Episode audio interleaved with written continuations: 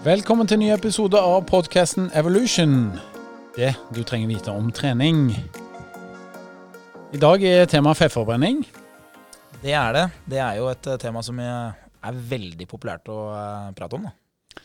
En av de mest leste artiklene våre noen gang på treningsbloggen vår, Evolution, er myter om fettforbrenning. Definitivt. Det er jo klart at eh, den podkasten, den ikke podkasten, men uh, bloggen, som jeg skulle si. Den er uh, i vinden. Vi har faktisk 6500 lesere hver eneste dag. Det er jo helt vanvittig. Ja, Det er trolig Norges største treningsblogg, som er upersonlig. Og uh, for oss en viktig kanal for å nå de som ønsker å lykkes med trening. Kjempebra. Og dagens treningsekspert, Havre Laustad, han har da skrevet tre, hele tre bøker om det å forbrenne fett. Han kommer fra jobben som generalsekretær i Norges Skøyteforbund. Og han er en, erfaring, eh, en erfaren mann når det kommer til å gi råd både i media og i treningsbransjen. Vi er jo så heldige at vi eh, jobber med han daglig. Det innebærer jo eh, mye humor, veldig mye faglig prat. Og det er jo en berikelse for oss å få jobbe med noen som er såpass kyndig innen trening. da. Absolutt. Han er kjempekyndig, virkelig. Og så er han veldig morsom. Han er en mann eh, som bruker humor i hverdagen. Så med det sagt, velkommen til oss, eh, Halvor Laustad. Takk for det. Takk for det. Halvor, vi skal prate om fettforbrenning i dag. Det er et tema som eh, er interessant for veldig mange. La oss starte med myter. Hva er den største myten egentlig om eh, fettforbrenning? Jeg tror det de fleste har hørt, og kanskje til og med tror på, det er at du skal trene med veldig lav intensitet fryktelig lenge for å forbrenne mye fett. Og det er jo bare tull. Så jeg skal jo altså ikke gå en time i, fra seks om morgenen til klokka syv for å forbrenne masse fett før jeg drar på styrketrening. Du har jo prøvd det i årevis uten at det funker, så det må gjøre noe annet, ja. Det er faktisk sant. Men uh, OK, hvis det ikke funker, hva skal jeg da gjøre? Den enkle og ubarmhjertige oppskrifta er egentlig å bevege seg så fort som mulig så lenge du kan. Men det er klart Du kan ikke gjøre det døgnet rundt, så si at du har en halvtime, tre kvarter til disp, så flytt på kroppen din så fort du kan i de 30-40-50 minuttene du har til rådighet. F.eks. gå så fort du kan, eller løp så fort du kan hvis du er i stand til å løpe. Men du må jo da tenke at du skal holde i de 30-40 eller 45 minuttene du har tenkt å holde på. Da. Så det må jo bli en sånn kurant treningsfart. Andreas, hvis du skal ut og løpe en tur på 45 minutter så fort du kan, hvilken hastighet ligger du på da? Uh, nei, altså hvis det skal virkelig dra til, så kan jeg sikkert ha en 16 km i timen. Men det er klart at uh, da kan jeg ikke ha med meg noen andre. Det blir ikke veldig trivelig. Så, som oss, f.eks. det er helt riktig. Jeg klarer ikke å holde den hastigheten. Um, jeg ville nok ligget på rundt 14 km i timen, hvis jeg skal være helt ærlig med meg selv. Og jeg hadde nok subba rundt på 13,5 foreløpig. Men uh, hva med de som ikke er vant med å løpe, da? Hva skal de gjøre? Skal de løpe på en eh, roligere hastighet, eller er det andre aktiviteter de kan gjøre? Nei, altså sånn generelt da, så er det som Alvor sier, at uh, det handler om å bruke oksygen. Rett og slett bruke energi. Og uh, det man veit, er at uh, de fleste er jo vant til å løpe. Det er noe de har gjort som, som, barn. så Derfor så er det jo sånn at det er kanskje den teknikken de mestrer best. Selv om de kanskje liker å gjøre andre ting. Og hvis du da velger å løpe, så får du jo brukt mest mulig energi. Men hvis ikke du klarer å løpe, så er jo det å gå i motbakke en veldig fin uh, oppskrift. Og uh, det du må få til, da, det er å velge et, uh, et intervall eller en hastighet da, som passer deg best mulig i forhold til å vare i 45 minutter. Så du må ikke gå løs for tøft, da. Og så må det jo ikke være 45 minutter heller, men sånn i hvert fall en halvtime, tre kvarter. Da får man gjort en jobb som betyr noe, faktisk. Ja. Og man kan gå på ellipsemaskin, man kan bruke romaskin, stakemaskin. Det er mye annet du kan gjøre. men som Andreas sier, det å bruke beina, gå eller jogge, det er noe vi kan. Så det er ikke noe vi trenger å lære teknisk, det er bare å peise på. Men det er jo så kjedelig, ikke sant? Det er jo dødsens kjedelig. Hvis du har en iPad eller en litt mindre skjerm og hodetelefoner, så er jo det meste ganske kult, egentlig. Til og med det som er kjedelig. Ja. Hva liker du å se på da, mens du trener? Nå er jeg hekta på uh, både Netflix og HBO, så jeg ser på sånne dusteserier som er lett underholdning, som jeg ikke trenger å tenke for å se. Og når det blir vinter, så ser jeg på vintersport, selvfølgelig. Bra. Men jeg må skyte inn en liten ting, for det er en sånn veldig enkel formel som, som, folk kan bruke, som faktisk stemmer i forhold til å forstå hvor mye de har forbrent. på en, på en tur, i hvert fall når du går eller løper. Og den er som følger at hvis du for hver kilometer du har jogga eller løpt, så bruker du ca. 1 kalori per kilo kroppsvekt du veier per kilometer. Så hvis du er 100 kilo og har jogga 1 km, så har du brukt 100 kalorier. Og da hvis du løper 10 km, så blir det 1000. Hvis du derimot går i sånn normalt terreng, ganske flatt, så er det forbruket ca. 0,7 kalori per kilo kroppsvekt per kilometer. Så den samme personen som da veier 100 kilo og går 10 km, vil da bruke ca. 700 kalorier på den turen. Så det er, det er, et poeng å prøve å komme i gang med å bevege seg ganske fort. Og hvis man får det til, gå over til jogging etter hvert. Men, men kanskje starte med å gå, gå i motbakke brattere og brattere, fortere og fortere, så etter hvert begynne å jogge litt. For da går forbrenninga ganske kjapt. Men vi løper jo både til og fra jobb sammen i går. Snikskryt. Snikskryt. Ja, hvorfor ikke, sier jeg. det ble totalt 23 km. Da. Det er verdt å skryte av, syns jeg. Ja, det ble jo fire kanelboller til lunsj i dag. Det gjorde det òg. Sånn takk for det. 23 km er jo ganske langt å løpe, og jeg veier jo da rett over 90 kg. Du bikker vel 84. Så hvem av oss to forbrente flest kalorier, Halvor? Det var definitivt du, siden du er tyngre. Så vi gjorde den samme jobben. Vi sprang til og med sammen. Mm. Eh, og i og med at du er tyngre enn meg, så gjør du en større fysisk jobb for å flytte de kiloene eh, samme fart og samme lengde som meg. Så den som er tyngst, eh, bruker mer kalorier enn en som er lettere, hvis dere gjør akkurat samme. Nå er vi godt i gang med å snakke om fettforbrenning, men hva er egentlig fettforbrenning, Andreas? Nei, det er jo sånn at uh, kroppen består jo av uh, litt forskjellig. Og uh, når du driver med aktivitet, så henter kroppen uh, drivstoff da, eller energi fra uh, det som er tilgjengelig. Og hvis du da har en aktivitet som varer en, en god periode, så vil du bruke opp den energien som ligger lagra, som da er gjerne karbohydrater. Og når du er ferdig med karbohydratene, så vil du gå løs på fettvevet. Og eh, det er jo ofte en sånn vanlig greie å si at nå forbrenner jeg fett. Og ja, det kommer fra fettvevet, men det er jo gjerne en totalsum. Så hvis du ønsker å gå ned i vekt når du sier at du skal forbrenne fett, så må du bruke en viss mengde før du egentlig driver og tar av fettvevet ditt. Ja, men, men, samtidig så er det sånn at uansett så forbrenner vi en viss mengde fettenergi uh, uansett hva vi gjør. Så når du sover, f.eks., så er intensiteten null, bortsett fra å være død, da, for da, er, da, forbrenner du ingenting lenger. Så lenge du lever og, og, eksisterer og ligger og slapper av og sover, så forbrenner vi jo ganske lite, men da kommer mesteparten av det fra fettforbrenning, rett og slett fordi at intensiteten er så lav at fett, fettforbrenninga er den smarteste måten for kroppen å, å, å, få ut energi som vi trenger til å gjøre nesten ingenting. Og så er det som Andreas sier, jo hardere vi jobber, jo mer er vi avhengig av at karbohydratene gir oss energi. Fordi at karbohydratforbrenninga gir litt mer energi, og uh, den uh, skapes litt kjappere. Så det er smart av kroppen å bruke det når vi tar i ganske mye. Men selv når vi jobber ganske hardt, så forbereder vi en del fett. Eh, så totalen, som Andrea sa, er liksom det viktigste. Hvis du gjør en ganske stor jobb, så ikke vær redd for at du bruker en del karbohydrater, for totalforbruket blir så vanvittig mye høyere enn hvis du går og dasser rundt i en time og nesten ikke gjør noen ting. Det er så viktig å forstå at, uh, at den formelen som du kom med i stad, det er liksom elementært for å kunne uh, bruke trening som en type vektreduksjon. For den subjektive følelsen, altså hva du føler, er jo ikke alltid riktig i forhold til hvor mye du har forbrent. Så hvis du sammenligner da én time veldig rolig gange med fire minutter full eh, intensitet, da si at du løper alt du kan, så vil jo fire minutter føles helt forferdelig. Det føles ut som du virkelig har brukt eh, masse krutt. Men totalsummen av eh, kalorier du har brukt, er nok langt lavere enn om du har gått én time sammenhengende.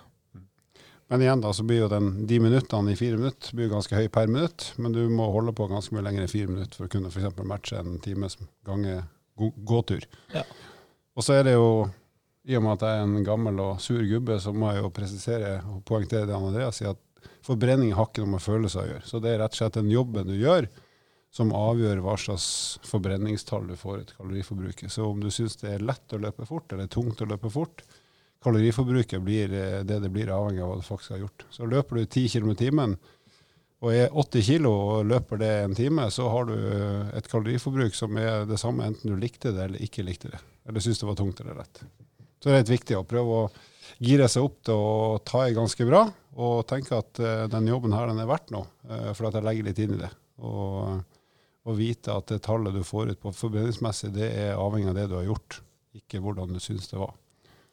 Nå snakker vi veldig mye om kondisjonstrening, men eh, for sånne som meg som liker å trene styrke, så tenker vi ofte at ja, men hvis jeg trener styrke vet så får jeg litt sånn høyere hvileforbrenning, for det øker muskelmassen min.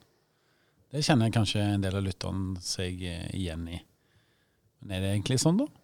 Får jeg høyere hvileforbrenning av å trene styrke?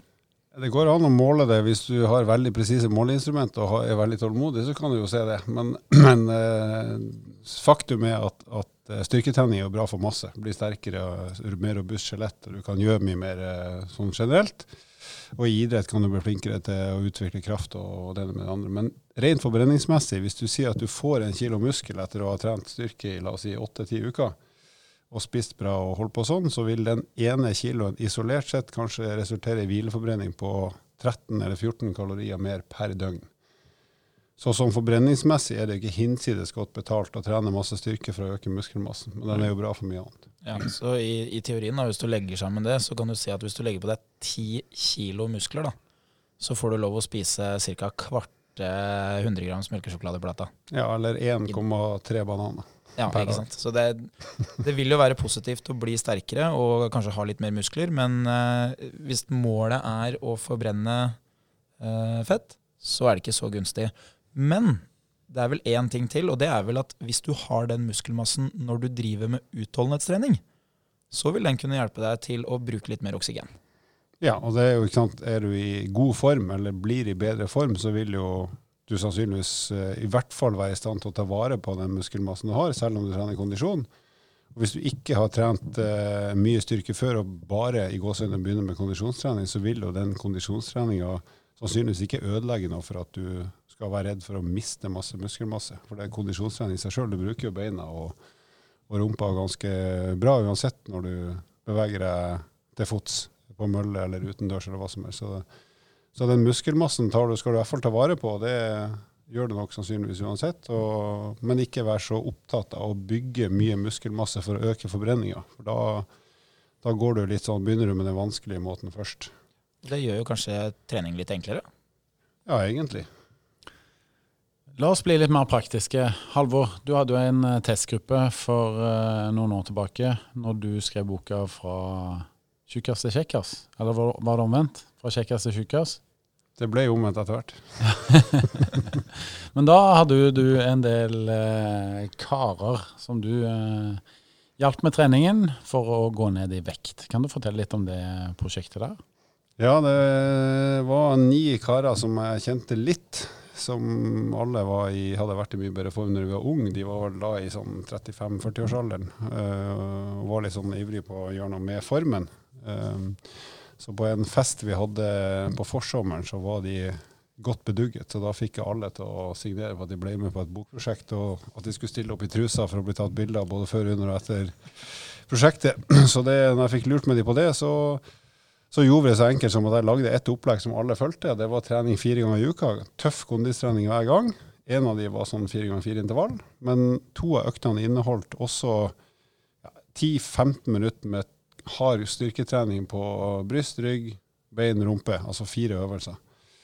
Eh, og resten var kondistrening i de fire øktene. Og de, sånn veldig enkelt fortalt, så viser det seg at alle selvfølgelig gikk ned i vekt. Alle, bortsett fra én, økte hvileforbrenninga ganske dramatisk. Og det var nesten ikke tap av muskelmasse hos noen, men likevel så klarte de å øke hvileforbrenninga. Det syns jeg var spennende, at de på tross av å gå ned i vekt klarte å øke hvileforbrenninga når de ikke økte i muskelmasse. For teorien har liksom sagt at muskelmassen som vi om i sted, er så viktig for å opprettholde hvileforbrenning. Og ja, den er det, men bedre kondisjon er kanskje også en viktig faktor for å både opprettholde og kanskje til og med øke hvileforbrenninga. Så det viste alle gutta at uh, jo bedre kondis, jo høyere hvileforbrenning. På tross av at de gikk ned i vekt, og på tross av at de i beste fall opprettholdt muskelmassen og kanskje til og med mista én eller to kilo. Så det var egentlig ganske interessant. og Det har jeg brukt mye i, i min jobb med vanlige folk i etterkant, da, for å få de til å komme seg kjapt ned i vekt, og så ha instrumenter for å holde seg der. Kosthold er jo òg relevant når det kommer til uh, i hvert fall gå ned i vekt. Um, det som jeg pleier å si til mine kunder, er at en god eh, regel da, for å skape suksess med en vektreduksjon, det er gjerne at man uh, kutter flytende kalorier. Da. At man ikke drikker melk juice, eh, kaffe latte osv. en periode. Eller alkohol, eh, selvfølgelig. At man tar bort alkoholen. Det er noe som veldig mange syns er dumt, da, for de liker å kose seg igjen litt på fredagskvelden osv. Men at man ofrer det en periode hvor man skal gå ned i vekt. Ehm, at man nå tar bort uh, godteriet, da. Eksempelvis eh, så har vi, der vi sitter, så har vi sånn bakeri rett ved siden av. Der har de noen utrolig gode cookies som vi gjerne skulle ha smakt, men som vi kanskje ikke skal ha hver dag. Nei, men uh, nå har vel vi uh, klart å, å opprettholde en vekt som, som uh, ganske sunn for oss akkurat nå. Men mange av kundene mine, da, så er det vektreduksjon som gjelder. Og da er det ikke så smart å, å gjøre det til noe annet enn kos av og til. Men eh, la oss eh, avslutte med en litt sånn morsom greie. Hva, Halvor, du er jo gjest hos oss i dag. Hva er den beste unnskyldningen du har hørt for å ikke komme i gang med treningen? Sånn for ikke å komme i gang i det hele tatt, liksom? Eller bare utsette det? Eller bare utsette det. Ja ja, få høre det. Nei, Jeg hadde en venn av meg som påsto at han hadde begynt å spille basketball i en alder av 35 år, så han eh, rakk ikke å trene ordentlig. Og Det var hans unnskyldning for å stå og klaske ball på en sånn garasjeport en gang i uka. Ja, Forbrenningen var kanskje ikke på topp av å kaste en ball og stå stille. Eller hva? Han eh, opprettholdt sin daværende form, og den var ræva. Den eh, beste unnskyldningen jeg har hørt i senere tid, det var Nå er det jo høst, da. Og spurte en av eh, fedrene som er ja, av kompisene til sønnen min, han sa det at han skulle begynne å trene til våren. Så det, det var hvilken vår? Hvilken vår? Det var spørsmålet. Andreas, eh, hva med deg? Nei, jeg, jeg elsker jo eh, den eh, klassiske unnskyldningen med 'jeg har barn'. Og det er klart at eh, når du sjøl ikke har barn, så er det jo lett å si det, men eh, jeg føler jo kanskje at da har du jo ansvaret foran deg. Du vil jo kanskje være litt aktiv når du har barn. Det må jo være genialt å kunne være med de barna i aktivitet. Så ja, si at ikke du har tida til å fly på treningssenter eller jogge, det er jo helt fair det, men eh, ta nå bli med de barna på litt aktivitet, så eh, er det jo fullt mulig å få eh, rørt seg litt. Mm, så er det selvsagt eh, ikke sånn at vi skal harselere med grunner til at folk ikke får trene, men det er jo sånn at vi har én kropp, og den eh, trenger pleie. Og det trening er jo beste medisin. Så trener jeg for sånn at du kan ha et ålreit liv, det syns jeg er greit. Om det er en gang i uka eller hva det er, det spiller ingen rolle. Hvert fall sånn, sånn at du kan gjøre det du har lyst til i livet uten at uh, fysikken og helsa er til hinder. Nei, for Det er jo ikke tvil om at uh, når vi flyr uh, gatelangs til og fra jobb om morgenen med fem minusgrader, så skjønner jeg at det er vi som er spesielle. Vi er langt forbi det stadiet som er fornuftig, men det er mer en interesse. Men flere og flere begynner å bli flinkere å trene òg, og neste gang så skal vi snakke om kondisjonstrening. Det blir gøy. Det blir bra. vet du. Da blir uh, Halvor, uh, hele Norges uh, Halvor fra Bodø, med oss. Det blir så artig at jeg kommer til å le meg i hjel under sendinga. Forhåpentligvis ikke. Da vil jo uh, bilforbrenningen din synke markant, har vi hørt i dag. Ja, vi har jo en uh, morsom nyhet òg, vi er på tampen her, som vi skal slippe. Vi har faktisk en, en hemmelighet som eh, vi har jobba med i en god periode nå, og det er at vi eh, har skrevet en bok, oss tre. Ja, og den skal ikke overraskende handle om trening og forbrenning og vekttap, men på en eh, ærlig måte og smart måte. sånn at hvis du leser den og gidder å gjøre litt av det som står der, så kommer det til å skje store ting med kroppen. Nesten uansett. Og Det er en bok som er tilpassa digitaliseringen, for den kommer jo da til iPad og iPhone eller Android. Så den kan du lese da på telefonen. Så det, det er kult. Og så kommer det jo til å bli litt uh, muligheter til å få seg treningsprogrammer utenom den boka også, som kommer som uh, tilleggsmuligheter. Men det skal vi komme tilbake til. Ja, Målet er at flere skal komme i gang med treningen og trives med å trene. Med det så sier vi takk for uh, denne gang. Vi er podkasten Evolution. Og vi håper at du, hvis du vil vite mer, så går du inn på evolution.evofitness.no. Liker du podkasten, gi oss en anbefaling, da vel. Og hvis du ikke liker den, ikke si noe. Takk for i dag, folkens. Sayonara! God trening.